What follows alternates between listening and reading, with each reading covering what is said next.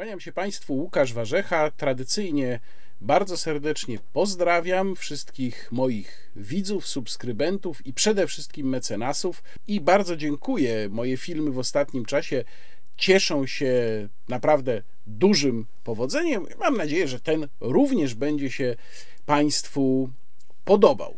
A rozpocznę go nie od sprawy ewentualnie nadchodzącego konfliktu pomiędzy Rosją a Ukrainą. Nagrywam ten film w piątek nad ranem, jest w tej chwili około piątej rano i jak na razie nic się nie wydarzyło.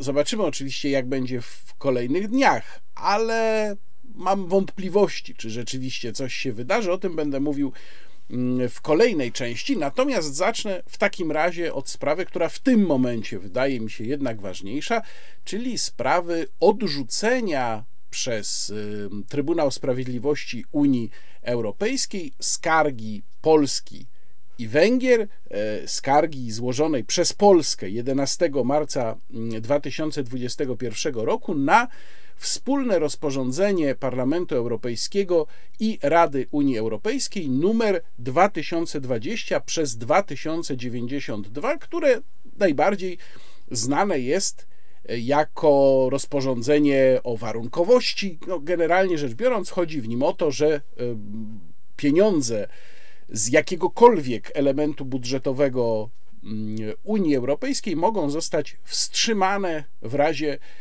naruszenia praworządności. Jak to zwykle bywa, jest wokół tego mnóstwo takiej publicystycznej waty, a to jednak czasem warto spojrzeć do przepisów, co ja zrobiłem i przedstawię Państwu moje wnioski, choć rzecz jasna, o tym również będę mówił, nie same przepisy tutaj mają znaczenie, ale e, Najpierw chciałbym przypomnieć, jak to się wszystko zaczęło. Otóż mieliśmy w 2020 roku negocjacje na temat nowej perspektywy budżetowej, negocjacje, które prowadził pan premier Morawiecki. Pan premier Morawiecki w lipcu 2020 roku pojechał na szczyt Rady Europejskiej właśnie w tej sprawie i bardzo potrzebował sukcesu, bo przecież pan premier Morawiecki został e, przez Jarosława Kaczyńskiego postawiony na czele rządu zamiast Beaty Szydło, no również z tego powodu.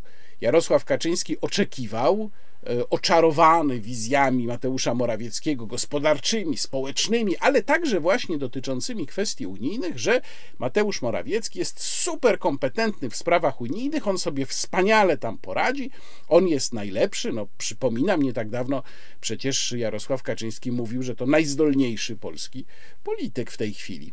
On jest tak znakomity, że sobie świetnie poradzi i wszystko załatwi. No i Mateusz Morawiecki uznał, że no musi, musi dowieść te pieniądze, prawda? No bo to jest trochę jego być albo nie być, pokazanie, że rzeczywiście jest wart tyle, ile jest wart.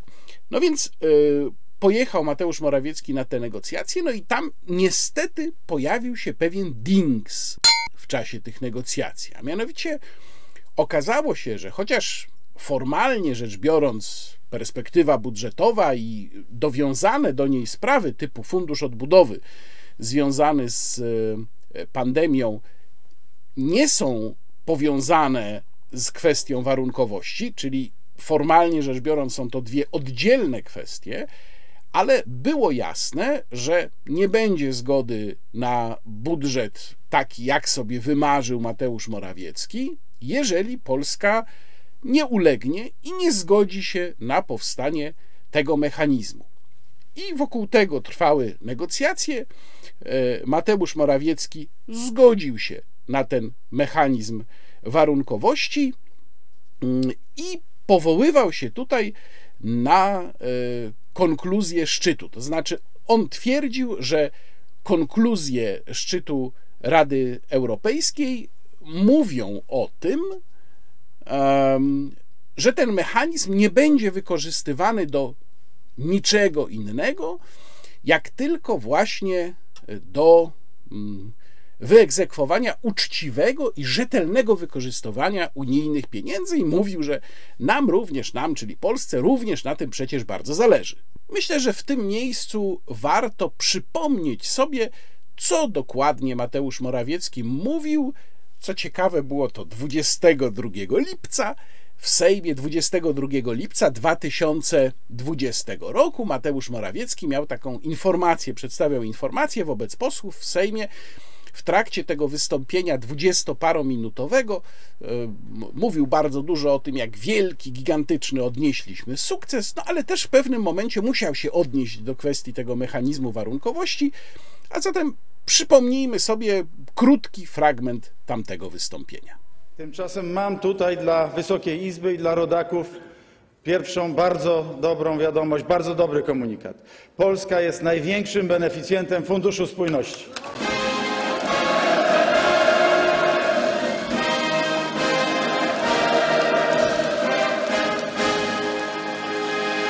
To kwota około 70 miliardów euro. I tutaj w każdej z tych polityk pojawiły się nowe środki, ale pojawili się również dodatkowi beneficjenci w oparciu o nowe kryterium, kryterium, którego wcześniej nie było. To jest kryterium, takie bardzo smutne, który kraj został najbardziej poturbowany w ramach epidemii, który kraj został poturbowany z punktu widzenia warunków gospodarczych, ale także jeśli chodzi o kwestie e, służby zdrowia. No i tutaj Polska należy do tych najlepszych i to było podkreślane, do tych, które poradziły sobie najlepiej. No i tu rozumiecie Państwo przewrotność tego argumentu, ponieważ wszyscy nam mówili, jeżeli wy sobie poradziliście najlepiej lub jesteście w grupie krajów, która sobie poradziła najlepiej razem z Czechami, Węgrami, Litwą, to może ten fundusz nie powinien być dla was, bo wy poradziliście sobie najlepiej.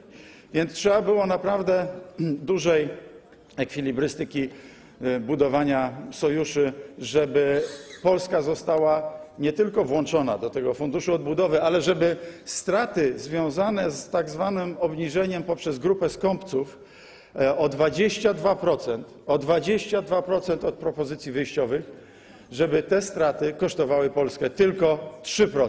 Była dyskutowana również, e, Wysoka Izbo, sprawa tak zwanej e, praworządności. Otóż wiemy doskonale, że od ponad dwóch lat toczyła się procedura włączenia e, tak zwanej warunkowości, uzależnienia od hipotetycznego spełniania warunków praworządności, które nie wiadomo kto jakby miał określać i nie wiadomo kto według jakich kryteriów, uzależnienia dostępu do środków. I myśmy rzeczywiście przeciwko temu występowali. Zresztą nie tylko razem z panem premierem Węgier, ale także e, bardzo ciekawe były głosy e, z środka e, Rady Europejskiej innych premierów, również takich, którzy zasadniczo stoją co do pewnych sporów po drugiej stronie, wskazujące na niedookreśloność pewnych definicji, na bardzo duże ryzyko zastosowania zapisów w przypadkach takich, które nie mają określonego stanu prawnego.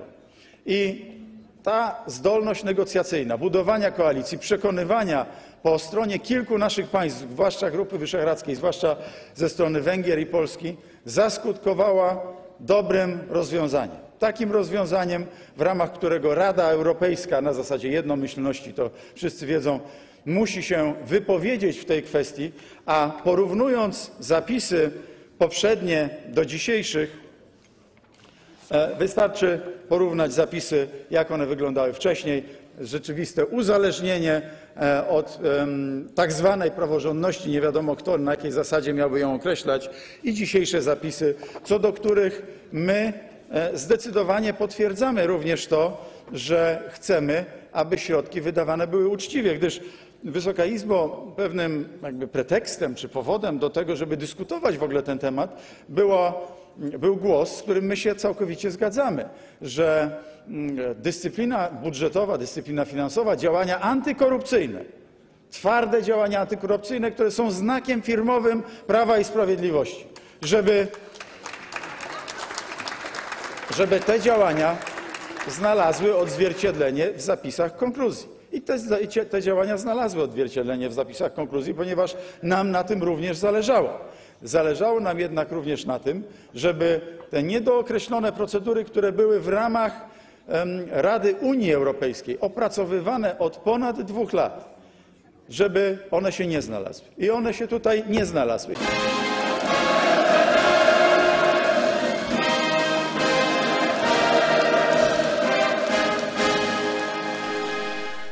Do sprawy konkluzji szczytu jeszcze zaraz wrócimy, natomiast teraz co działo się dalej? Otóż dalej powstało to wspólne rozporządzenie y, Parlamentu Europejskiego i Rady y, Unii Europejskiej i to rozporządzenie, jak powiedziałem, zostało zaskarżone 11 marca 2021 roku. To była y, w CUE sprawa numer C 157 przez 21 no i mieliśmy stosunkowo niedawno sygnał ze strony tak zwanego rzecznika generalnego TSUE, który już sygnalizował, że skarga zostanie oddalona i skarga oddalona została, co oznacza, że ten mechanizm może działać.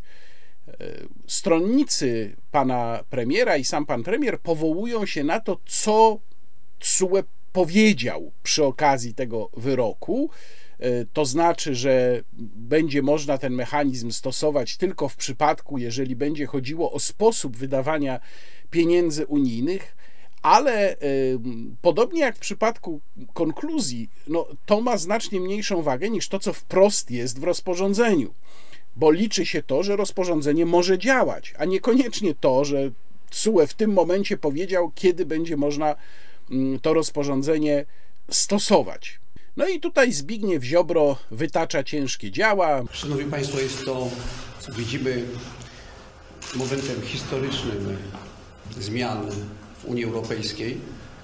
Z obszaru wolności, obszar, w którym będzie można stosować bezprawną przemoc, by tą wolność państwom tworzącym Unię odbierać, by suwerenność ograniczać. Jest to też e, potwierdzenie wszystkich obaw, które formułowała Solidarna Polska do końca i stanowczo sprzeciwiając się zgodzie na wprowadzenie tego rodzaju e, rozwiązań do europejskiego porządku prawnego.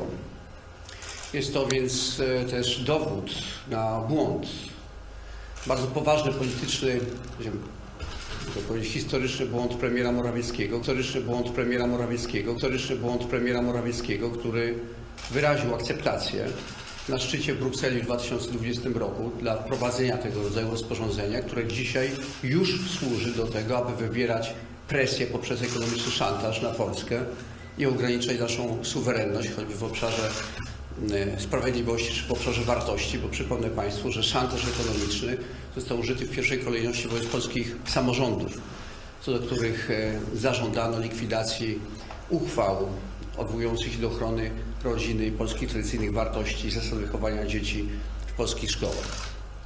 To data w tym sensie historyczna, ponura data, która jest najzapamiętana i zapisana w podręcznikach historii, ale to nie koniec bitwy o polską wolność w Unii Europejskiej o wolną Unię Europejską. No i mamy też odpowiedź Jarosława Kaczyńskiego na te zarzuty.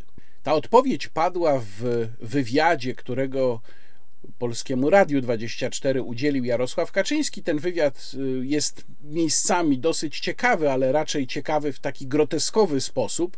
W większości jest nieciekawy, bo to jest takie bleblanie. Z Jarosławem Kaczyńskim rozmawia Jerzy Jachowicz, który oczywiście nie, nie jest w stanie, nie jest w stanie, nie chce nie zadaje żadnego y, trudniejszego pytania, tylko no w zasadzie mm, robi tam za statyw od mikrofonu.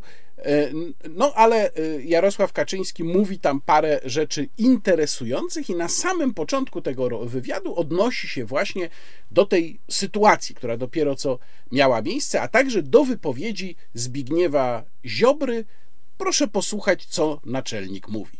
Na konferencji prasowej pan minister Zbigniew Ziobro, minister sprawiedliwości, właśnie użył tego zwrotu historyczna data a jednocześnie, że jest to historyczny błąd Mateusza Morawieckiego, że w grudniu podpisał rozporządzenie, które sankcjonowało ten mechanizm. Czy Pana zdaniem ta ocena nie jest zbyt ostra? W moim przekonaniu, pewnie to określenie jest troszeczkę przesadne, bo rzeczywiście dzisiaj w Unii trwa proces, któremu się przeciwstawiamy, proces ograniczenia czy wręcz eliminowania suwerenności państw, które są członkami Unii, ale mm, to wszystko jest w trakcie i to w trakcie mm, pewnej kontrowersji. Nie chcę już tutaj używać określenia walka, e, bo w Unii Europejskiej nie należy ze sobą walczyć, ale mm, takie określenie też nie byłoby tutaj dalekie od prawdy. I to, że mm, ta skarga zostaje nie odrzucona, to było bardzo łatwe do przewidzenia, szczególnie już po wypowiedzi rzecznika generalnego, po jego stanowisku. Ale i przedtem było to właściwie oczywiste. Ta kontrowersja trwa. Ja jestem optymistą co do jej wyniku ostatecznego i dopiero ten wynik będzie momentem historycznym. To jest jedno z wydarzeń, które się zdarzyło na tej drodze, którą w tej chwili idziemy. I to zdarzenie może być przedmiotem dyskusji na przykład wewnątrz naszej koalicji, wewnątrz rządu, ale no, jestem zawiedziony tym, że mm, takie oświadczenia padają publicznie, bo to na pewno naszej wspólnej sprawie, a tą wspólną sprawą jest między innymi utrzymanie naszej suwerenności. Oczywiście to jest sprawa super ważna, ale oczywiście ma, mamy także te inne. Mm, I dlatego troszkę się dziwię panu ministrowi, no ale cóż, takie rzeczy się w polityce zdarzają nie tylko u nas, we wszystkich państwach Trzeba nad tym przejść do porządku dziennego i po prostu iść dalej. Sądzę, że premier Morawiecki, bo rozmawialiśmy na ten temat nie jeden raz, traktował ten dokument wraz z tak zwanymi konkluzjami Rady Unii Europejskiej, które zapewniały nam, że nasz postulat, to znaczy postulat polegający na tym, żeby jednak nie używano tego dla uchylenia traktatów, takiego de facto uchylenia traktatów i de facto uchylenia suwerenności, żeby ten instrument nie był w ten sposób używany. No niestety jest, ale to jest ale nadużycie. wtedy to jest nadużycie. że nie będzie? No to, to, to obiecano, no takie były konkluzje e, posiedzenia Rady, a następnie odpowiednie stanowisko zajęła też Komisja Europejska. No mamy do czynienia z nadużyciem, mamy do czynienia, powiedzmy sobie uczciwie, z oszustwem, z oszustwem, z oszustwem ze strony władz unijnych. Czyli ta emocjonalna reakcja pana ministra Ziobro y, nie grozi żadnymi wewnętrznymi pęknięciami w ramach Zjednoczonej Prawicy. Znaczy mamy tutaj, zawsze mieliśmy w pewnych sprawach różne poglądy, ale w tej sprawie suwerenności mamy ten sam pogląd. A namiot jest szeroki, jest nawet bardzo szeroki i oczywiście tam bywają jakieś starcie i takie momenty, których wolałbym unikać, ale znając politykę wiem, Jakie że można nie nazwać uda. trudne momenty? No można to na, tak nazwać, można je nazwać też niefortunnymi.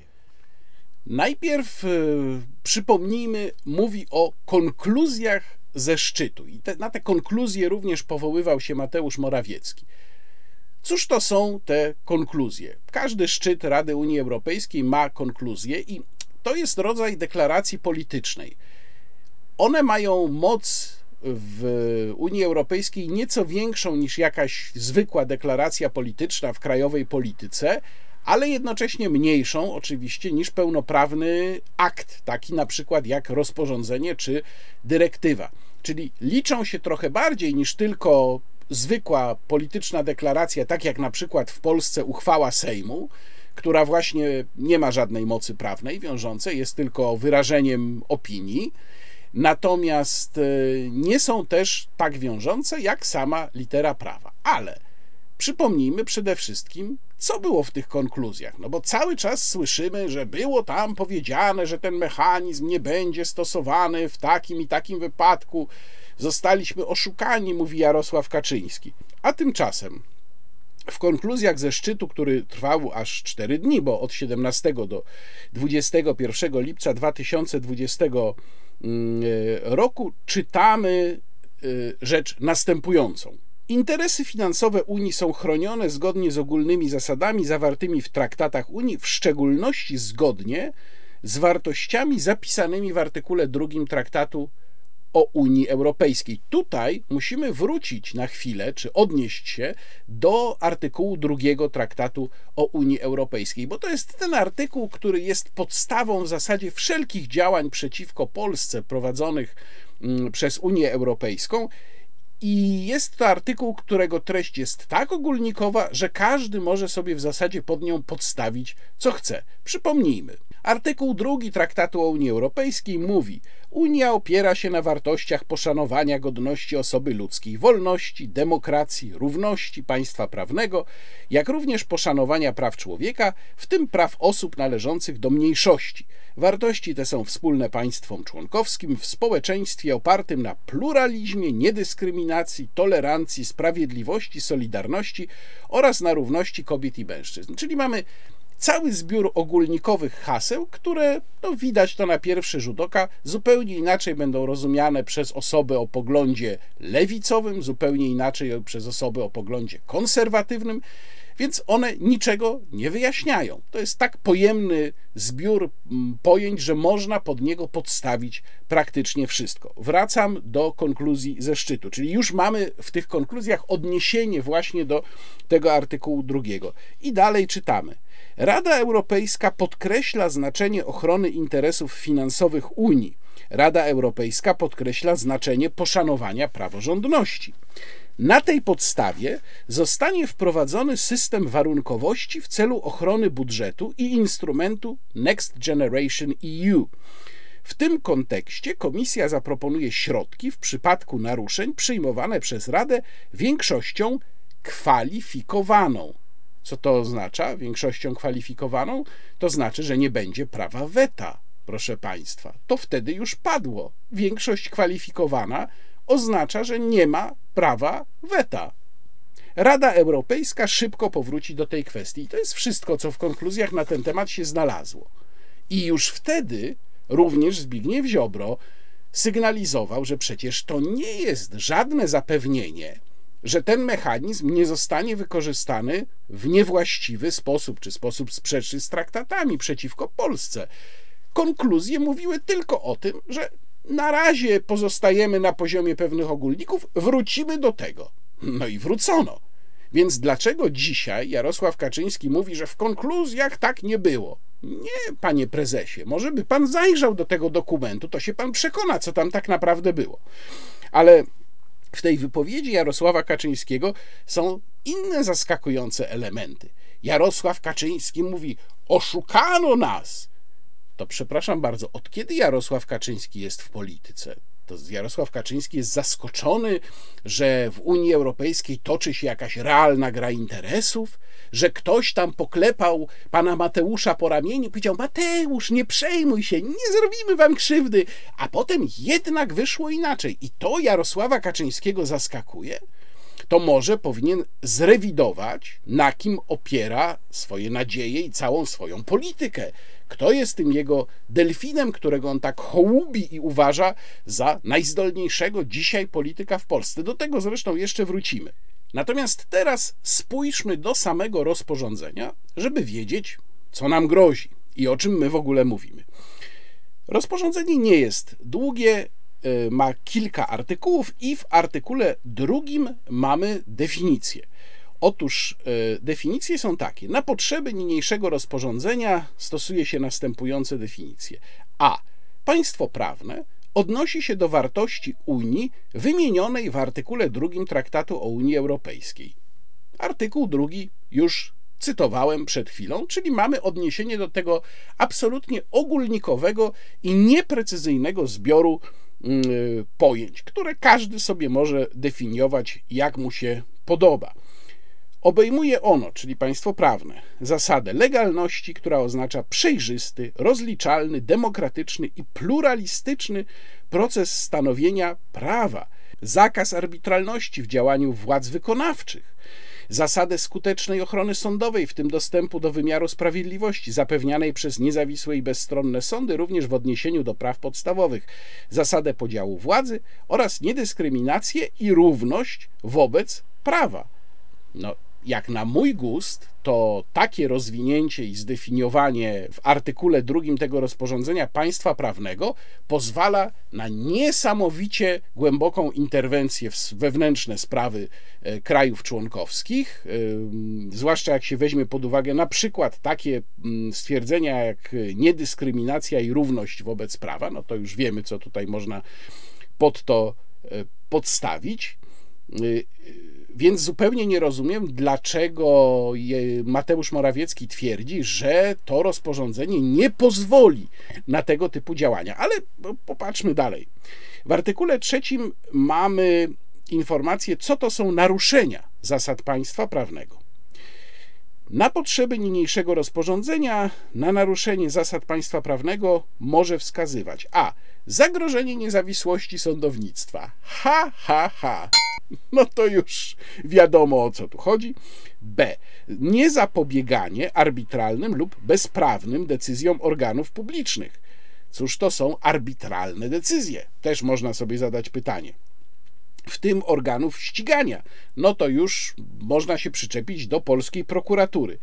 Nieskorygowanie takich decyzji lub nie nakładanie za nie kar, wstrzymywanie zasobów finansowych i ludzkich wpływające na prawidłowe funkcjonowanie tych organów lub niezapewnianie sytuacji braku konfliktu interesów ograniczanie dostępności i skuteczności środków prawnych, w tym przez restrykcyjne przepisy proceduralne oraz niewykonywanie wyroków lub ograniczanie skutecznego prowadzenia postępowań przygotowawczych w przypadku naruszeń prawa, wnoszenia i popierania oskarżeń w związku z takimi naruszeniami lub nakładania w związku z nimi kar. No to jest napisane tak, jakby było wprost pisane pod sytuację Polski. Zupełnie wprost.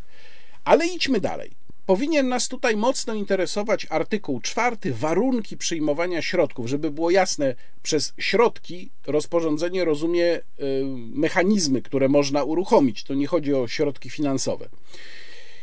Otóż cóż jest w tych warunkach, czyli tych y, wydarzeniach czy czynnikach, które pozwalają uruchomić ten proces? Otóż y, na przykład E, na potrzeby niniejszego rozporządzenia naruszenia zasad państwa prawnego muszą dotyczyć co najmniej jednego z następujących elementów, co najmniej jednego. Na przykład prawidłowego funkcjonowania organów wykonujących budżet Unii. No, budżet Unii wykonują w zasadzie, można tak powiedzieć, prawie wszystkie ministerstwa prawidłowego funkcjonowania służb dochodzeniowo-śledczych i prokuratur w związku z prowadzeniem postępowań przygotowawczych oraz wnoszeniem i popieraniem oskarżeń w związku z nadużyciami finansowymi, w tym oszustwami podatkowymi, korupcją lub innymi naruszeniami prawa Unii związanymi z wykonywaniem budżetu Unii lub z ochroną interesów finansowych Unii. W zasadzie można powiedzieć, że każdy, każde zastrzeżenie, które można stworzyć do działania prokuratury, też tutaj można pod ten punkt, podpunkt, to jest akurat podpunkt C ustępu drugiego artykułu czwartego, można podciągnąć. Dalej, Podpunkt D mamy skutecznej kontroli sądowej lub zaniechań organów, o których mowa w literach A, B i C dokonywanej przez niezawisłe sądy. A o tym, o niezawisłości sądowej już było wcześniej w artykule trzecim. No i wreszcie mm, tutaj litera H, innych sytuacji lub działań organów mających znaczenie dla należytego zarządzania finansami w ramach budżetu Unii lub ochrony interesów finansowych Unii. Co nam się wyłania z tego rozporządzenia. Co ono tak naprawdę może dać, co ono może zrobić.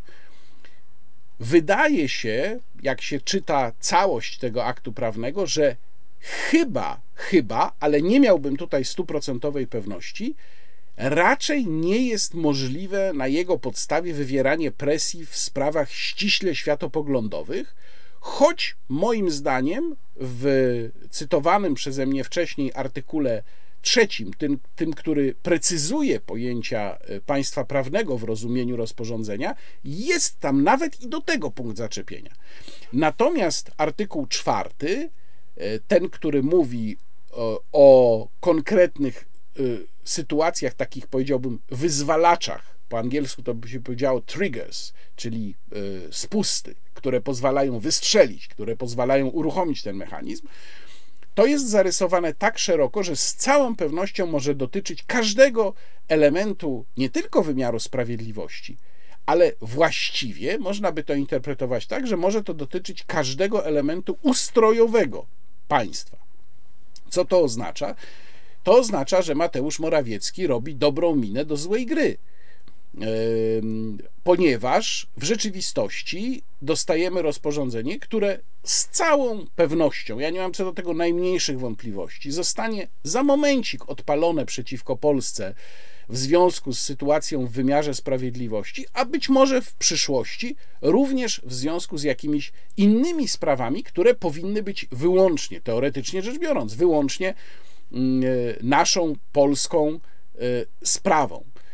Być może również będzie moment, kiedy odpali się to w związku z kwestiami światopoglądowymi, właśnie sięgając po te definicje zawarte w artykule trzecim. Jarosław Kaczyński z taką niefrasobliwością w tym fragmencie wywiadu, który Państwu pokazywałem, mówi, że no to jest pewna kontrowersja, która trwa i ja jestem optymistą, jeżeli chodzi o jej rozwiązanie. E, mnie się przypomina zawsze w takim momencie, jaka była argumentacja Lecha Kaczyńskiego, e, kiedy e, godzono się na traktat lizboński. A to tam jest jeszcze furtka w postaci Janiny, czyli ten, ten kompromis z Janiny, który przez jakiś czas pozwalał jeszcze blokować decyzje na zasadzie weta, szczególnie istotne decyzje, a to jeszcze nie wiadomo, co będzie w przyszłości. I tutaj jest tak samo, no, kontrowersja, ona trwa, tam jestem optymistą co do ostatecznego skutku. No niestety, ja takim optymistą nie jestem. I teraz ten mechanizm będzie nad nami wisiał jak miecz Damoklesa ten miecz Damoklesa albo spadnie, albo nie. Myślę, że w kwestii wymiaru sprawiedliwości to jest w zasadzie pewne stuprocentowo. Zresztą już właściwie w dniu, kiedy zapadł wyrok TSUE już były głosy z Parlamentu Europejskiego, a zaledwie dzień później e, apel Parlamentu Europejskiego do Komisji Europejskiej, żeby działała, bo inicjatorem tej procedury, która dalej jest w rozporządzeniu opisana, jest właśnie Komisja Europejska. I tu bardzo ważna kwestia ona się znalazła już w tych konkluzjach, na które się powoływał Mateusz Morawiecki i Jarosław Kaczyński, czyli kwestia tego, czy można to zablokować. No nie można tego zablokować, bo różnica z tą standardową procedurą naruszenia praworządności, procedurą opisaną w artykule 7 Traktatu Unii, o Unii Europejskiej,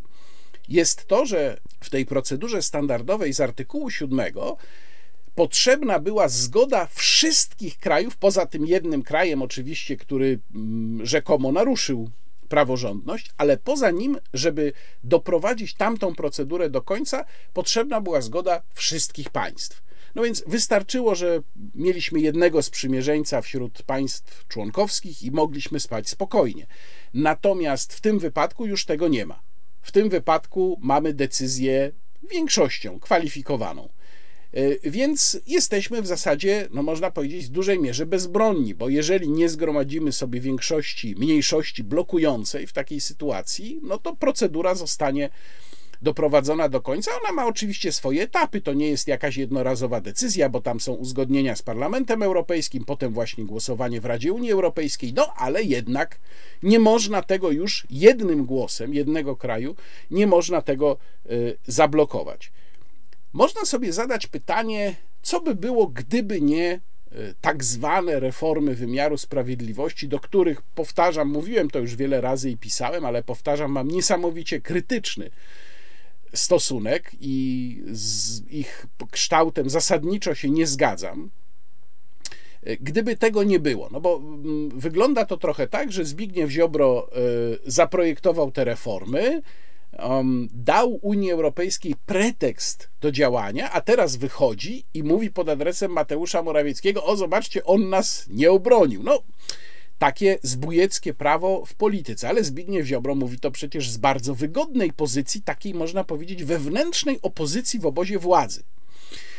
E, ale gdyby nie było tych reform, albo gdyby one miały inny kształt, gdyby wciągnięto w nie sędziów, ja byłem zwolennikiem takiego rozwiązania od samego początku, to czy nadal powstałoby to rozporządzenie i czy mielibyśmy ten problem? Być może takie rozporządzenie by nie powstało.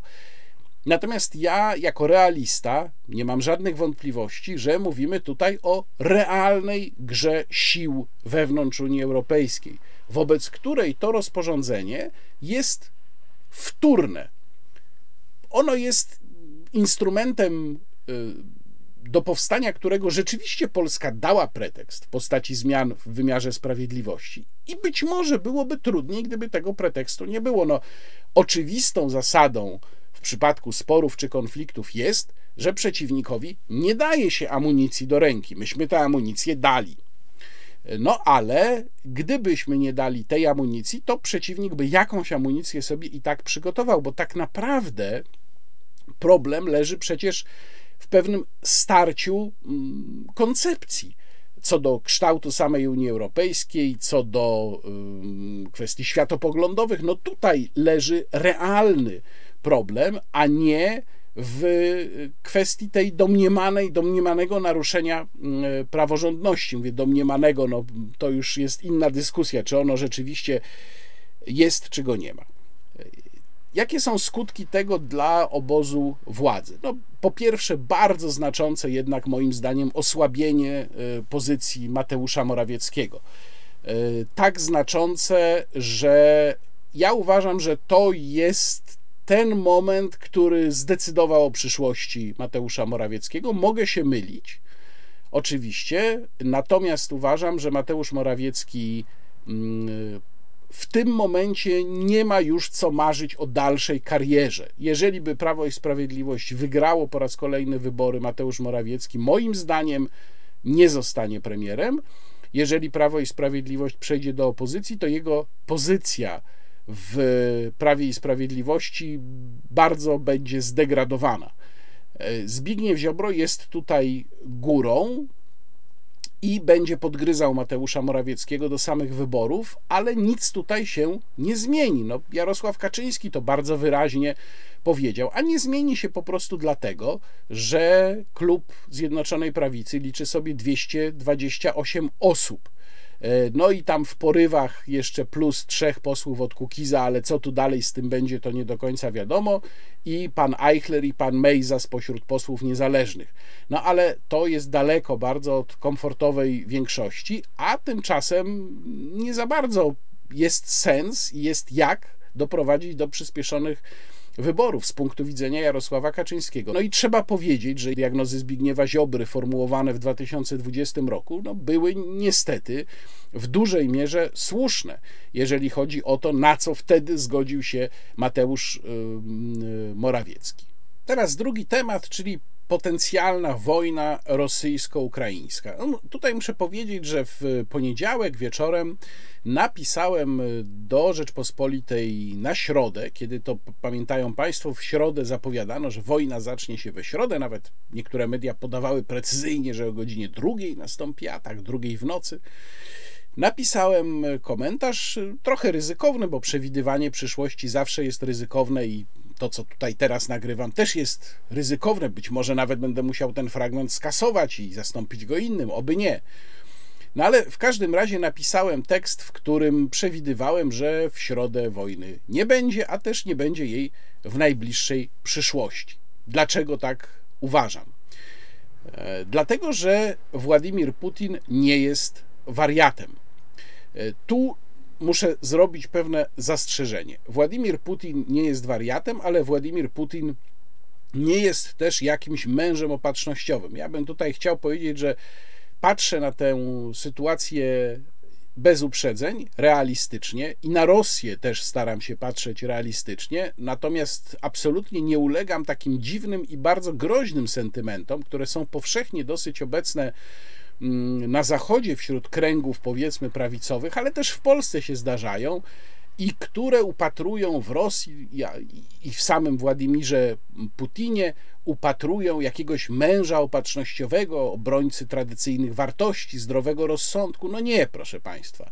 E, Władimir Putin jest starym kagiebistą. Rosja pod jego rządami nie reprezentuje wartości, które, jak sądzę, moim widzom są drogie i mnie również. Czyli nie jest to kraj wolności, nie jest to kraj swobód obywatelskich, e, jest to kraj zamordyzmu i autorytaryzmu. I y, jest taka od dawna zresztą tendencja, próba kreowania Władimira Putina właśnie na tego obrońcę tradycji, konserwatyzmu, tradycyjnych wartości, które na Zachodzie są zagrożone. No to jest jedno wielkie oszustwo. Nie, tak po prostu nie jest. Ale to, że Władimir Putin jest starym kagiebistą, to też oznacza, że jest człowiekiem bardzo przebiegłym. Traktowanie go jako wariata, który jest nieobliczalny, E, i który za chwilę dla jakichś zaspokojenia jakichś własnych ambicji wywoła e, wojnę na zachodzie Rosji, jest e, wyrazem kompletnego oderwania od rzeczywistości. Władimir Putin jest człowiekiem układu. Ten układ no, nie jest widziany z zewnątrz. My, zwłaszcza może analitycy go lepiej widzą, my go tak za bardzo nie widzimy, ale to jest niezwykle rozgałęziony układ który y, oplata Rosję i żeruje na Rosji i pasożytuje na rosyjskich obywatelach od wielu, wielu lat i temu układowi zależy na stabilności własnych majątków i własnej sytuacji. Co to oznacza w kontekście potencjalnego konfliktu? Że konflikt, a może właściwie groźba konfliktu są dobre do tego momentu, póki pozwalają uzyskać więcej, ale byłyby złe wtedy, gdyby powodowały straty. Gdyby zaczął się gorący konflikt e, rosyjsko-ukraiński, a szczególnie mm, konflikt taki, jak opisują to niektórzy analitycy, czy nawet politycy Zachodu, mówiąc o wdarciu się rosyjskich wojsk głęboko na terytorium Ukrainy, o zajęciu Kijowa, o zainstalowaniu jakiegoś rządu marionetkowego, koszty i finansowe, i polityczne dla Rosji byłyby ogromne. Jeżeli spojrzymy na to, co się stało z polityką Niemiec w tym względzie, to już widzimy, a to jest tylko zapowiedź, jakie te koszty by były. Niemcy bardzo niechętnie, najbardziej prorosyjski kraj w Unii Europejskiej, Niemcy bardzo niechętnie zostały zmuszone do tego, żeby zająć bardziej zdecydowane stanowisko. Gdyby nastąpiła taka pełnowymiarowa agresja na Ukrainę, to nie dałoby się uratować przynajmniej teraz nie dałoby się uratować projektu Nord Stream 2 i nie dałoby się uratować Niemiec jako no, konia trojańskiego Rosji w Unii Europejskiej.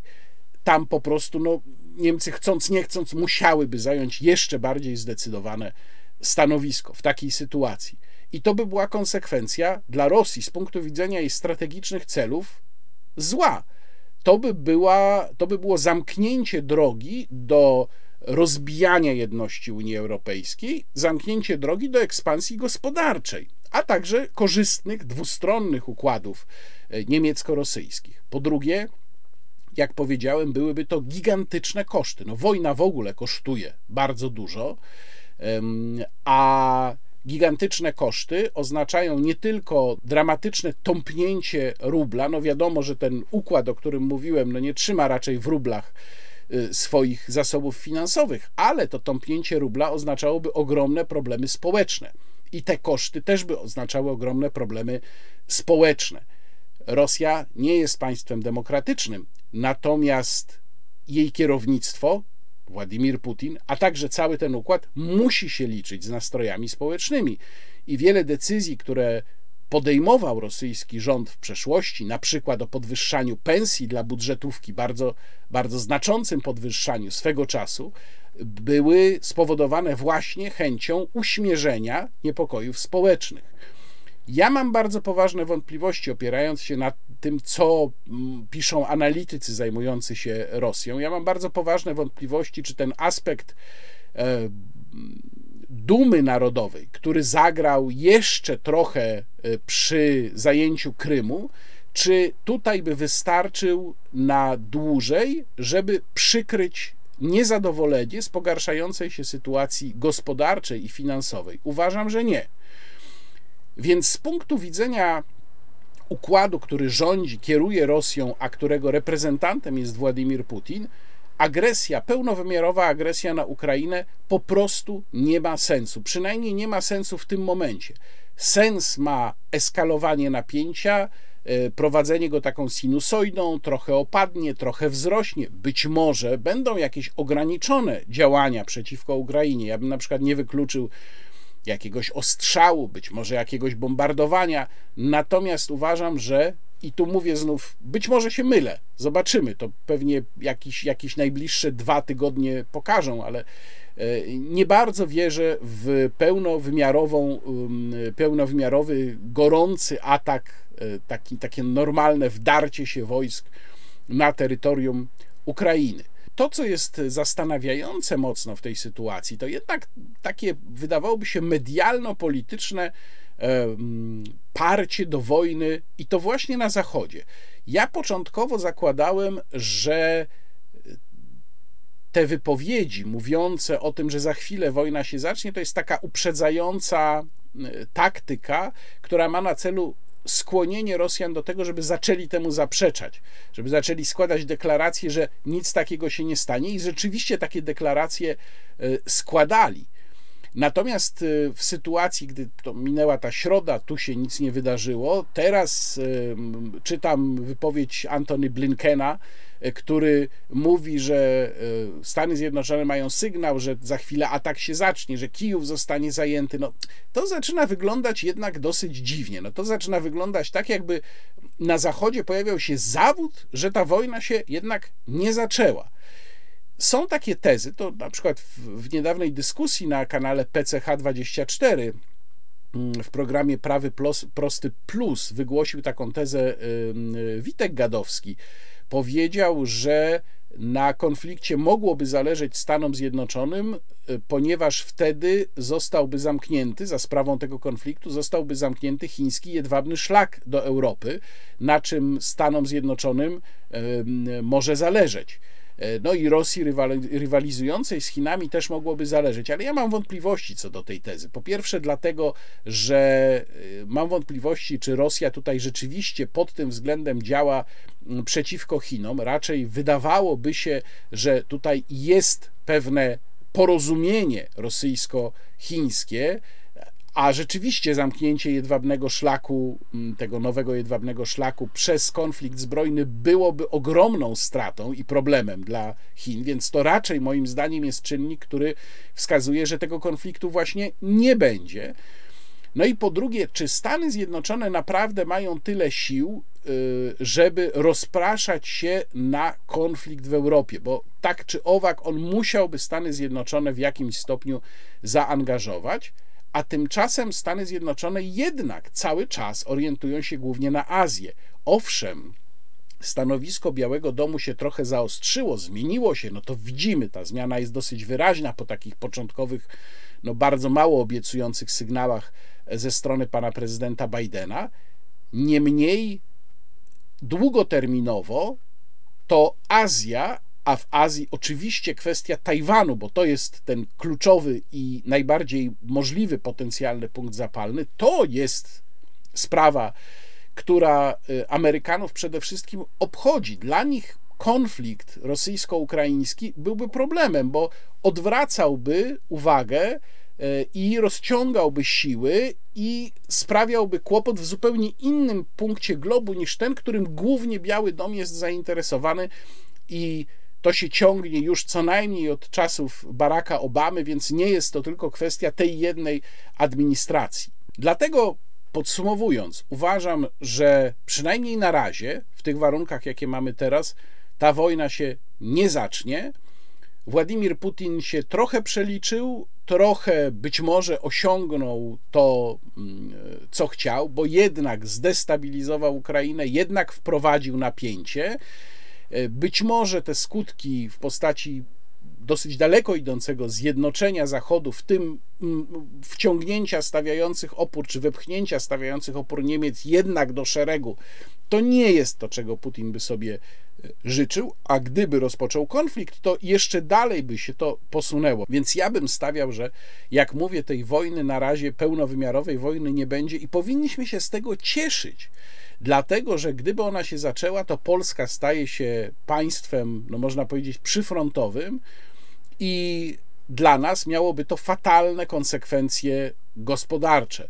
Y, z Ukrainy już odbywa się ucieczka inwestorów i ucieczka pieniędzy, i niestety my byśmy również oberwali w wyniku tego samego y, sentymentu. To byłoby dla nas w naszej sytuacji gospodarczej bardzo, ale to bardzo złe. E, no a poza tym w ogóle, chociaż wojna jest nieodzowną e, częścią, elementem ludzkiej cywilizacji, to nie jest też niczym dobrym, więc powinniśmy mieć nadzieję, że ten konflikt nie wybuchnie, a rzeczywiście są przesłanki, żeby sądzić, że tak się właśnie nie stanie. Teraz sprawa, o której e, pisałem na blogu Warsaw Enterprise Institute. Rzecz jasna, wszystkie linki do tekstów wspominanych w moim filmie znajdą Państwo w opisie filmu. Sprawa kampanii z żarówką. Kampania z żarówką, czyli ta, w której Towarzystwo Gospodarcze Polskie Elektrownie e, za kilkanaście milionów złotych pokazuje na billboardach żarówkę, gdzie 60% to jest skutek polityki klimatycznej Unii Europejskiej. Tylko pytanie brzmi 60% czego? Na temat tej kampanii bardzo nieciekawy i niestety bardzo zmanipulowany materiał zrobił Tomasz Rożek na swoim kanale Nauka to lubię. I w tym filmie padło kilka stwierdzeń no, kuriozalnych. Film nie jest e, długi, materiał Tomka Rożka nie jest długi, e, link rzecz jasna znów w opisie filmu, ale chciałbym tylko kilka miejsc z tego filmu Państwu tutaj pokazać. Kampania, o której dzisiaj opowiem, jest bałamutna i manipuluje faktami oraz stara się zrzucić winę z tych, którzy ją ponoszą. Zasadniczo nie tylko w przypadku energii elektrycznej, ale także wody albo odpadów, ten kto śmieci, ten ponosi koszty. Jak obniżyć koszty? No przestać śmiecić. Niby proste, ale oto mamy kogoś, kto śmieci i płacze, że jego usługi są drogie. No są drogie, bo śmiecisz a nie dlatego, że zasady ochrony środowiska są złe. Produkcję CO2 przez m.in. elektrownie traktuje się jak zaśmiecanie, zanieczyszczanie. Stosując tutaj zasadę śmiecisz, płacisz, powstał unijny system handlu emisjami. Bo gdyby nie e, te połączenia, musielibyśmy ponieść ogromne koszty, na przykład na utrzymanie tzw. Tak rezerwy wirującej, czyli zapasu mocy w sieci na wypadek wahań produkcji chociażby wiatraków czy z ogniw solarnych. A wracając do kampanii, to jak to jest z tymi kosztami polityki klimatycznej Unii i tymi 60%? Zwróćcie uwagę, że na plakacie jest informacja o koszcie produkcji energii, a nie o rachunkach za energię, a to ogromna różnica, bo cena, jaką płacimy za prąd, składa się z trzech równych komponentów. Pierwszy to produkcja energii, drugi to opłaty, jakie zabierają firmy przesyłające energię i trzeci, w sumie największy, to podatki krajowe. Tych 60% z tej żarówki dotyczy tylko pierwszej części wykresu, czyli produkcji energii.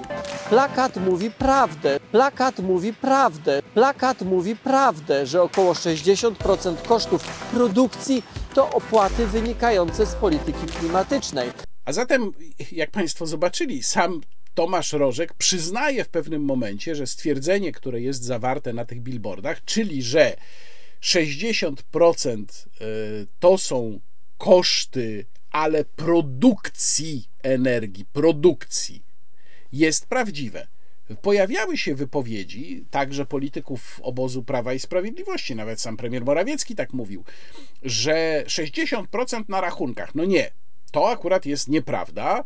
Na rachunkach, jak przyznał sam wicepremier Sasin, to jest około 30%, niektórzy mówią 20%, ale na rachunkach mamy szereg innych pozycji. Dochodzi VAT, dochodzi akcyza, dochodzi opłata mocowa wprowadzona od początku ubiegłego roku przez Prawo i Sprawiedliwość. No i dochodzi rzecz jasna zysk y, firm energetycznych. Te wszystkie elementy są dodatkowo na rachunkach i one tworzą cenę. Stąd ten element polityki klimatycznej Unii Europejskiej na rachunkach ma mniejszy odsetek niż przy samej produkcji prądu. Ale w y, y, tekście, w którym przeanalizowałem film Tomasza Rożka, w tekście na blogu Warsaw Enterprise Institute, ja wskazuję na kilka innych elementów, które Tomasz Rożek był uprzejmy pominąć w swoim filmie, a które y, przy okazji tej kampanii, no jednak trzeba przypomnieć. Po pierwsze, Tomasz Rożek mówi tam, jak Państwo słyszeli, coś, co no wzbudziło we mnie natychmiast absolutny opór, czyli mówi, jak się śmieci, to trzeba za to zapłacić. Mówi to tak, jakby system EU ETS, czyli system handlu emisjami stworzony e, w pierwszej połowie lat 2000, e, tam 2000 chyba czwarty rok, jakby ten system był jakąś obiektywną rzeczywistością. No, jakby był tak obiektywną rzeczywistością i oczywistością, jak na przykład to, że świeci słońce albo pada deszcz. No nie. Ten system jest całkowicie sztuczny i jest wynikiem decyzji politycznej, a nie jakiejś obiektywnej konieczności. Mm, ta decyzja polityczna została oparta na hipotezach naukowców, hipotezach, i nigdy nie została przedstawiona w postaci konkretnych wyliczeń. To znaczy, my nigdy nie dowiedzieliśmy się, niezależnie od tego, jakim reformom ten system podlegał, a on podlegał różnym reformom w czasie swojego funkcjonowania, nie dowiedzieliśmy się, co on tak naprawdę konkretnie ma dać. To znaczy, nie zobaczyliśmy żadnych wyliczeń. Jeżeli uprawnienia do emisji będą po tyle i tyle, to temperatura na Ziemi zostanie powstrzymana o tyle i tyle, albo spadnie o tyle i tyle. Nie było żadnych takich wyliczeń, bo ich rzecz jasna być nie mogło. Ale trzeba rozumieć, że ten system jest całkowicie arbitralnie i politycznie narzuconym nam kosztem. Narzuconym kosztem dodatkowym dla wszystkich gospodarek, w szczególności dla polskiej gospodarki cena uprawnień, która w tej chwili, jeżeli chodzi o transakcje dotyczące już grudnia 2022 mm, roku, e, jak sprawdzałem to mniej więcej tydzień temu, to cena wynosiła już 95 euro za tonę. To jest dla Polski cena absolutnie zabójcza. E, uprawnienia, które sięgają jeszcze dalej w czasie, już chodzą po, po, powyżej 100 euro za tonę, gigantyczne obciążenie dla polskiej gospodarki. I ta cena wynika między innymi z tego, że również znów na mocy czysto politycznej decyzji regulowano liczbę uprawnień, które przysługują poszczególnym krajom, te pule krajowe. A więc nie jest to ani instrument rynkowy, ani nie jest to żadna obiektywna konieczność, jest to czysta polityka.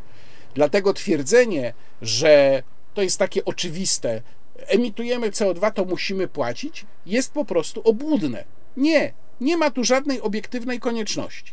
Polska, tak, to prawda, przez bardzo długi czas nie robiła nic, żeby e, spowodować mm, reformę systemu EU ETS. Mimo, że było wiadomo, że e, ceny uprawnień będą szły w górę, a prawdopodobnie będą szły w górę drastycznie. To jest prawda i to jest nasze zaniedbanie. Dopiero teraz Polska podjęła kroki, żeby zbudować koalicję, która będzie się domagała tego, żeby po pierwsze wycofać uprawnienia z tego handlu giełdowego, czyli żeby one przestały być e, elementem spekulacyjnym, i po drugie, żeby przestać zmniejszać, redukować pulę uprawnień przysługujące poszczególnym krajom.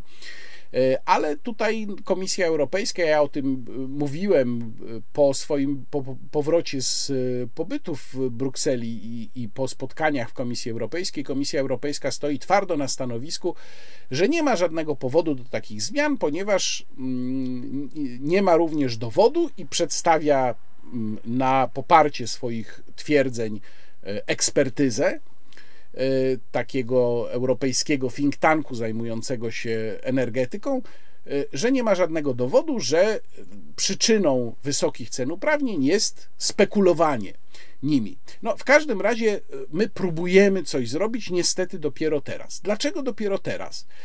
Tutaj Tomasz Rożek słusznie mówi, to jest oczywistość zresztą, że pieniądze ze sprzedaży polskiej puli uprawnień wpływały do polskiego budżetu. One były częściowo znaczone, czyli powinny w połowie wpadać do funduszu, który zajmował się zazielenianiem, zajmuje się tak zwanym zazielenianiem polskiej gospodarki.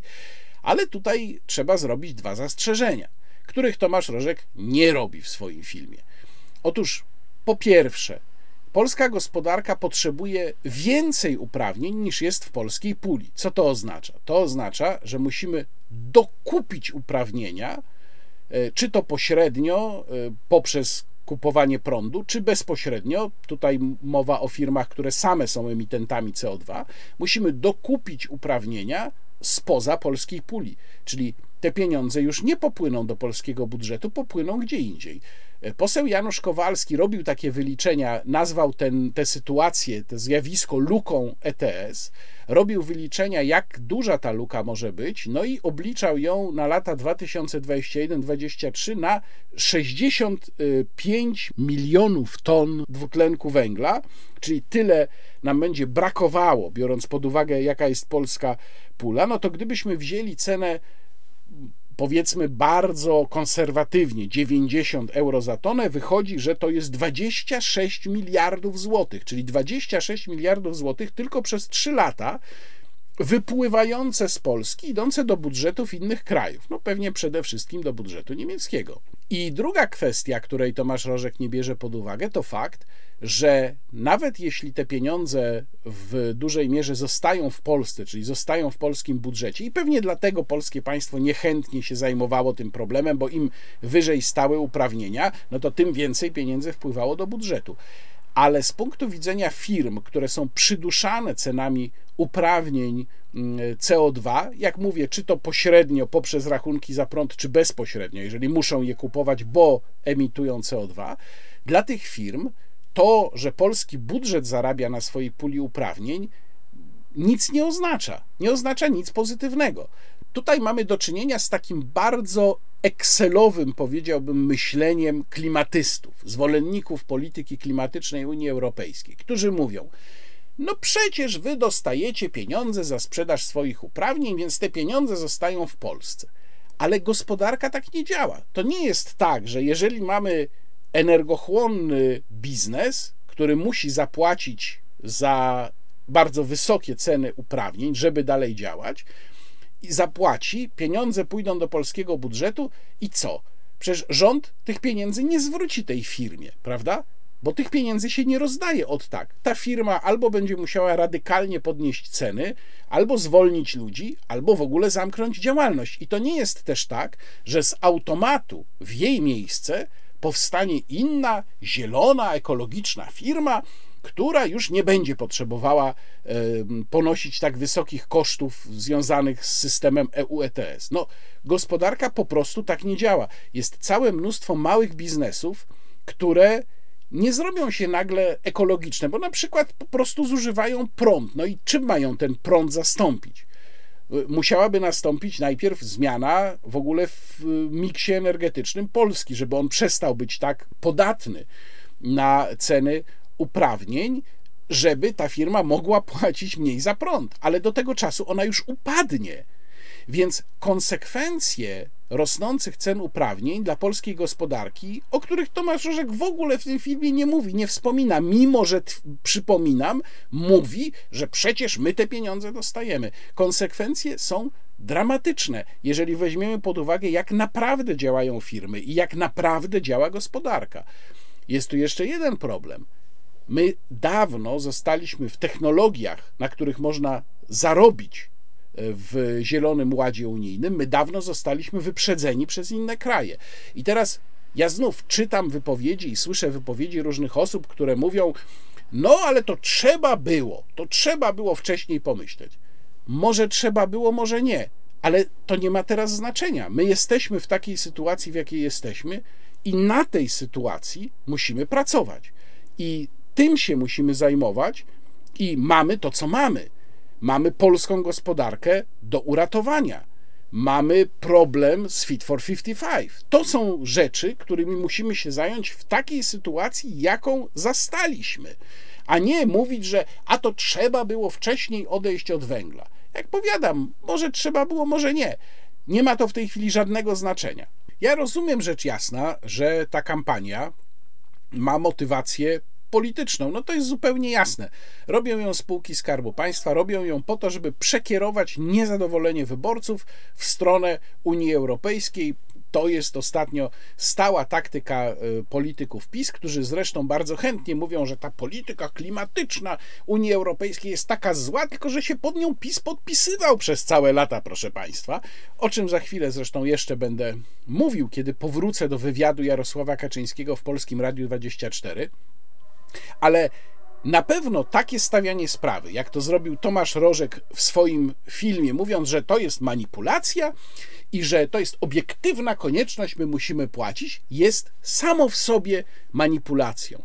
A więc, jeżeli nawet uznamy, że ta kampania z żarówką jest w jakimś stopniu manipulacją, to tutaj, w przypadku Tomasza Rożka i innych, którzy tę kampanię krytykują, mamy do czynienia z jeszcze większą manipulacją wobec manipulacji małej, ale tak naprawdę na samym billboardzie przecież nie zawartej, bo jak powiedziałem, sam billboard mówi prawdę.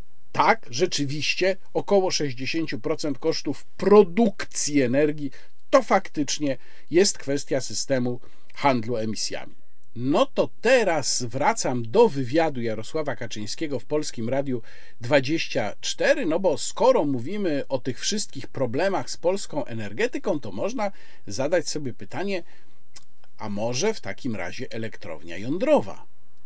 Ale zanim o elektrowni jądrowej, o tym naczelnik mówił w tym wywiadzie, to najpierw inny wątek, który został poruszony bezpośrednio przed wątkiem elektrowni jądrowej, wątek Polskiego Ładu.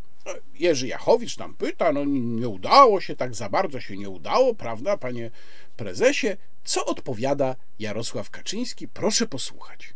Tak, zaczęło się rzeczywiście, jeżeli chodzi o podatki, nie najlepiej. Chociaż trzeba pamiętać, że to nie jest jedyny element Polskiego Ładu. Te elementy odnoszące się do inwestycji, do podnoszenia poziomu życia prowincji, te elementy sprawiedliwościowe, chociaż one są oczywiście wpisane w system podatkowy, są tutaj rzeczą decydującą. To trzeba naprawić. Wyciągnięto już część konsekwencji personalnych, bo tutaj popełniono naprawdę bardzo poważne błędy. Przy czym mm, tym błędem fundamentalnym było to, że w istocie powierzono przygotowywanie tego systemu podatkowego ludziom, którzy, jak mi się wydaje, byli całkowicie niezainteresowani w tym, by to przedsięwzięcie się udało. Przy czym nie mówię tutaj o panach ministrach, młodych ludziach, którzy no, nadzorowali całe przedsięwzięcie, tylko mówię o tych, którzy to realnie przygotowali, bo przecież to jest przygotowywane przez departamenty, przez, e, przez ludzi, którzy pełnią różne ważne, merytoryczne funkcje, w tym wypadku w Ministerstwie Finansów. Mm, Bo błędy są takie, że no, część na pewno wynikała z jakiegoś braku wiedzy, z pomyłki, mm, z niezbyt skupionej uwagi, jeżeli chodzi o przygotowywanie tych wszystkich e, zmian, ale część jest już tak oczywista, że wydaje się jednak, że tutaj to była także i kwestia nie najlepszej woli. Otóż ja zwracam uwagę, w jaki sposób Jarosław Kaczyński mówi o tym, co się wydarzyło. On mówi, że popełniono błędy, powierzono komuś. To jest forma bezosobowa. Popełniono, powierzono. Kto popełnił te błędy, panie prezesie? Kto powierzył konstruowanie polskiego ładu tym ludziom, którzy, jak rozumiem wypowiedź pana prezesa, no wykazali złą wolę? Czy to był może Donald Tusk? für Deutschland. A może to Joe Biden złośliwie powierzył? Kto powierzył? Dlaczego pan prezes Jarosław Kaczyński używa tej bezosobowej formy powierzono? No bo chyba nie chodzi o to, że nie ma kontroli nad własnym obozem politycznym i nie jest w stanie zapewnić, żeby kluczowy projekt, którym miał być Polski Ład, był robiony przez osoby kompetentne. No tego to ja po prostu nie śmiem podejrzewać. Zresztą Jarosław Kaczyński, proszę zwrócić uwagę, mówi tam przecież, że nie chodzi nawet o tych młodych wiceministrów, nie oni, to w ogóle tam wiceminister Patkowski, w ogóle świetny człowiek, absolutnie, nie ma mowy. Jacyś źli urzędnicy tam czegoś nie dopilnowali złośliwie najprawdopodobniej, a w ogóle to jacyś ludzie, takich ludzi to w każdym sklepie z ludźmi można kupić, więc to w ogóle nie nasi, a Tadeusz Kościński to my go w ogóle nie znamy, przechodził obok ministerstwa, wszedł i tak został tym ministrem, nikt nawet nie wiedział, że on jest tym ministrem, no i sobie nie poradził, a w ogóle to był agent Tuska i w ogóle nie od nas i, i nie znamy faceta. Skoro już ustaliliśmy, że nikt w PiSie nie zna Tadeusza Kościńskiego i w ogóle nie wiadomo, jak on się tam znalazł, a najprawdopodobniej kiedyś przyszedł i powiedział po prostu jestem ministrem, no i, i, i tak został i nikt o nic nie pytał, no to teraz posłuchajmy, co Jarosław Kaczyński ma do powiedzenia na temat elektrowni jądrowej. No to są dokładnie reaktory, kilka reaktorów atomowych, które mają wspierać KGHM, czyli jedną ważną, bardzo dużą firmę. My- Ale my mamy przecież także przedsięwzięcia, mm, które mm, mają z jednej strony doprowadzić do tego, żeby powstała w Polsce mm, duża elektrownia atomowa z dużymi reaktorami, takimi 1000 MW albo nawet więcej, na przykład 1100. Jednocześnie mm, dziś w świecie wszyscy oczekują na moment, kiedy uzyskają ostateczną zdolność do funkcjonowania SMR-y. Skoro mają być e, tak, że źródła energii mają być czyste, no to tym najczystszym jest właśnie atom. Musimy mieć elektrownie atomowe. Mm, Wiemy wszyscy, no być może dla Państwa będzie to nowa wiadomość, że e, zajmuje się tym Orlen. Orlen No właśnie, chciałem zapytać o właśnie pana, kupować. o pana y, y, Obajtka chciałem zapytać, bo zdawało mi się, że Orlen też idzie w tym kierunku. No idzie, no jeżeli chodzi o pana prezesa Obejtka, to on jest naprawdę no, pełen energii, takiej najlepszej energii i naprawdę buduje coś bardzo wielkiego i bardzo ważnego dla Polski, ja sądzę, że w ogóle dla tej części Europy, czyli ten wielki koncern. Ale tam ma w tej chwili powstać, no, nie wiem kiedy to będzie, ale to jest chyba sprawa kilku tygodni, nowa spółka, mm, w ramach tak zwana mm, Orlenu, czyli tak zwana spółka córka, mm, która się tym zajmie. Tam są już przymiarki do kierownictwa, przymiarki do kierownictwa, przymiarki do kierownictwa. Do zarządu wrócą też ludzie, którzy w jakiś, przez jakiś czas na skutek różnego rodzaju nieporozumień byli mm, odsunięci. Dawid Jackiewicz m, między innymi tam ma być, to jest właśnie jeden z tych ludzi, którzy przez jakiś czas no, funkcjonowali poza, ale bardzo energiczny i sprawny. I, krótko mówiąc, e, bardzo poważnie traktujemy to przedsięwzięcie, które jest bezwzględnie potrzebne dla Polski. Mm, Co prawda polityka energetyczna Unii Europejskiej jest w moim najgłębszym przeświadczeniu, łagodnie mówiąc, nieporozumieniem, E, a już na pewno, nawet gdyby ją prowadzić, to takie kraje jak Polska m, powinny uzyskać tutaj różnego rodzaju ulgi i odłożenia w czasie różnego rodzaju, realizacji różnego rodzaju celów. Jakby ten cel ostateczny e, no nie jest przez nas kwestionowany. Nie jest przez nas kwestionowany. Nie jest przez nas kwestionowany.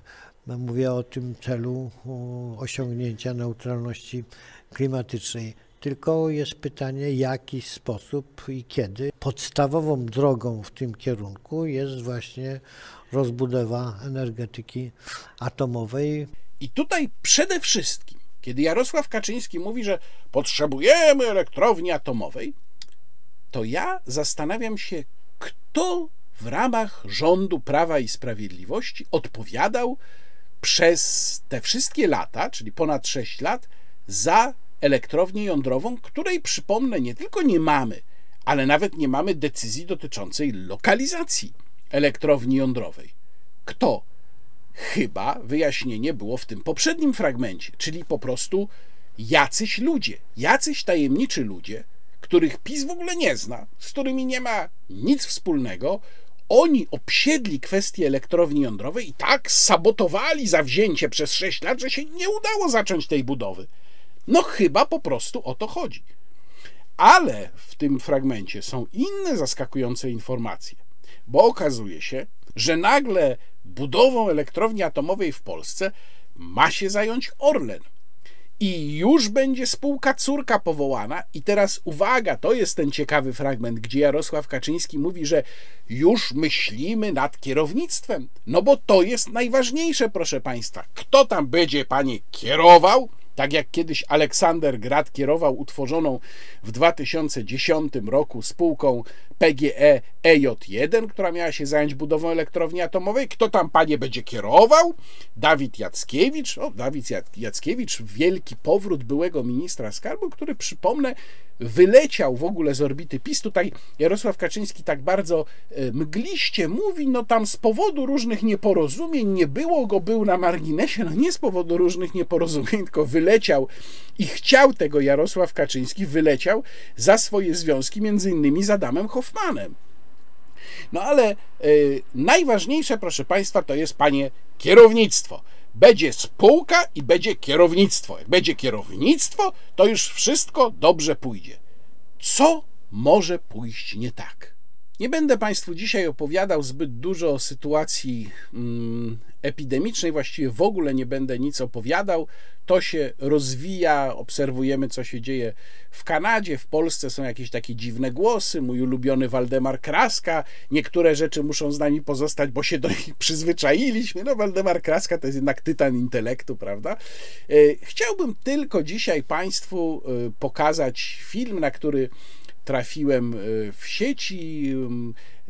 Film, który naprawdę nie wiem, kto zrobił, więc nie jestem w stanie tutaj podpisać autora, natomiast występuje w nim guru pandemiczny, czyli dr Antoni Fauci, guru pandemiczny ze Stanów Zjednoczonych, którego wielu było zapatrzonych, pan minister Niedzielski również i bardzo piękna opowieść o substancji, wsparta wspaniałą, monumentalną suitą Edwarda Griga w grocie Króla Gór. Proszę zobaczyć. So now we have two vaccines that are really quite effective, highly effective, virtually 100% efficacious.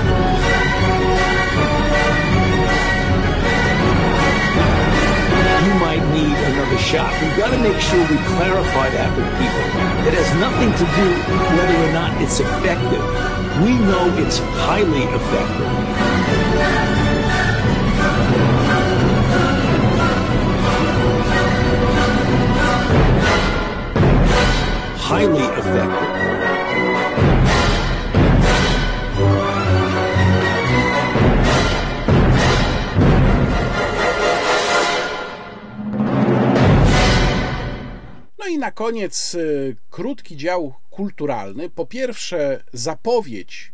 Zapowiedź na razie tylko, bo nie mam jeszcze tej książki w ręku, ale Jacek Kowalski, którego wielokrotnie Państwu polecałem, którego dzieła różne prezentowałem, wydał nową książkę. I to jest książka o Tybaldzie. O Tybaldzie, hrabim Szampanii, królu Nawarry.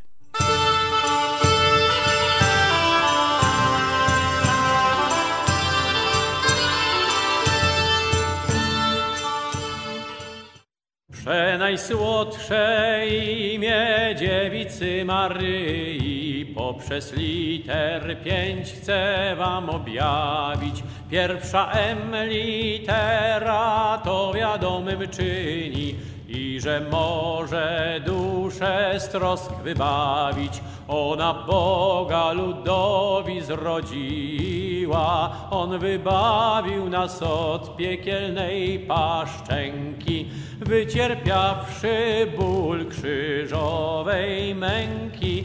Zatem M to jest matka i jego miła. Druga litera w abecadła czele, na początku awe się pojawia. Kto szalonym nie jest, ten niechajże śmiele zawsze zdrowaś Maryjo odmawia.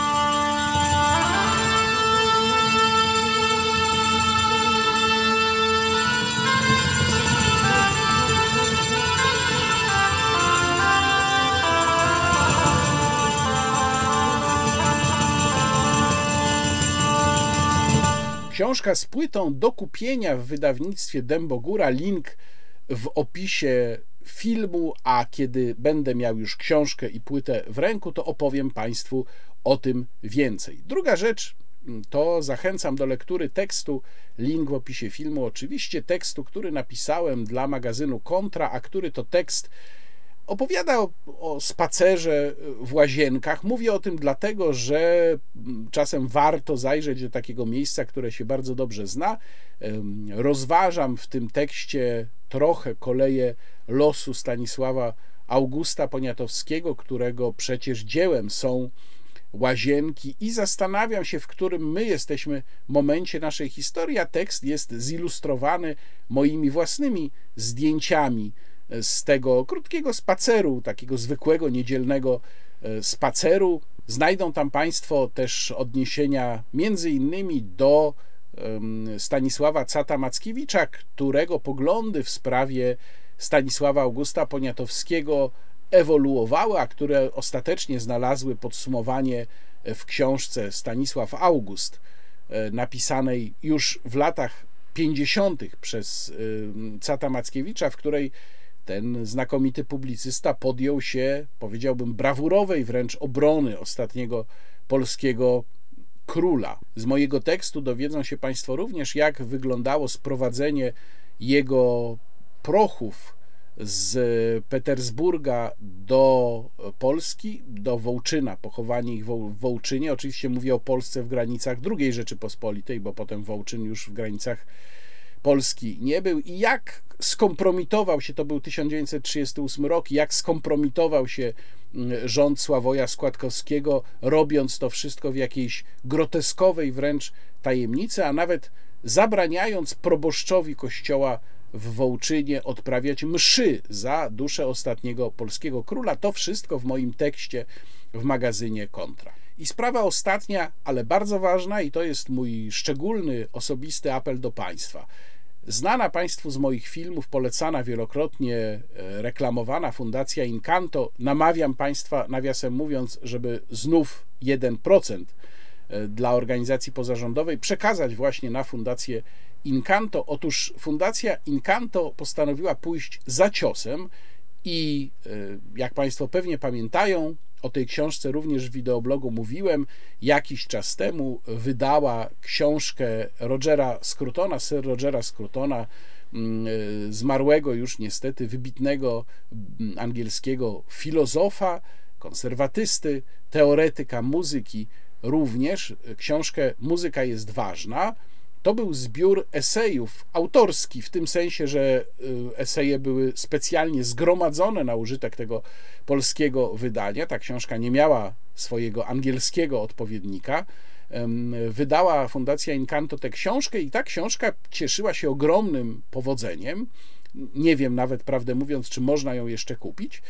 I Fundacja Incanto wydaje teraz drugą książkę o muzyce Sir Rogera Scrutona, tym razem jest to książka Zrozumieć muzykę. Ta książka jest już przetłumaczona i około 52 tysięcy złotych, które fundacja musi zebrać i prowadzi zbiórkę w tym celu, a które są teraz potrzebne, to już nie są pieniądze na tłumaczenie, to są pieniądze na wszystkie pozostałe rzeczy, które mm, po tłumaczeniu muszą nastąpić. W tej chwili na koncie fundacji jest w tej y, konkretnej sprawie niespełna 10 tysięcy złotych, 32 osoby wpłaciły. Ja bardzo do Państwa apeluję, do wszystkich Państwa, którzy znali teksty Rogera Scrutona, którzy interesują się muzyką, do wszystkich Państwa, którzy być może znają Fundację Incanto, żeby wesprzeć ten naprawdę bardzo ważny cel. Takich instytucji jak Incanto mamy za mało w Polsce. E, one się muszą siłą rzeczy odwoływać do naszej szczodrości i do naszego wsparcia, bo bardzo często mają problem, nie będąc członkami różnego rodzaju układów, ze zdobyciem pieniędzy skądinąd. A tak jak już wielokrotnie mówiłem, w przypadku Fundacji Incanto ja ręczę po prostu za tych ludzi i ręczę za to, że te pieniądze przekazywane im zostaną dobrze wykorzystane. A zatem zachęcam do wsparcia zbiórki na książkę Zrozumieć muzykę Sir Rogera Scrutona, wydawaną przez Fundację Incanto. Kłaniam się Państwu, Łukasz Warzecha. Do zobaczenia.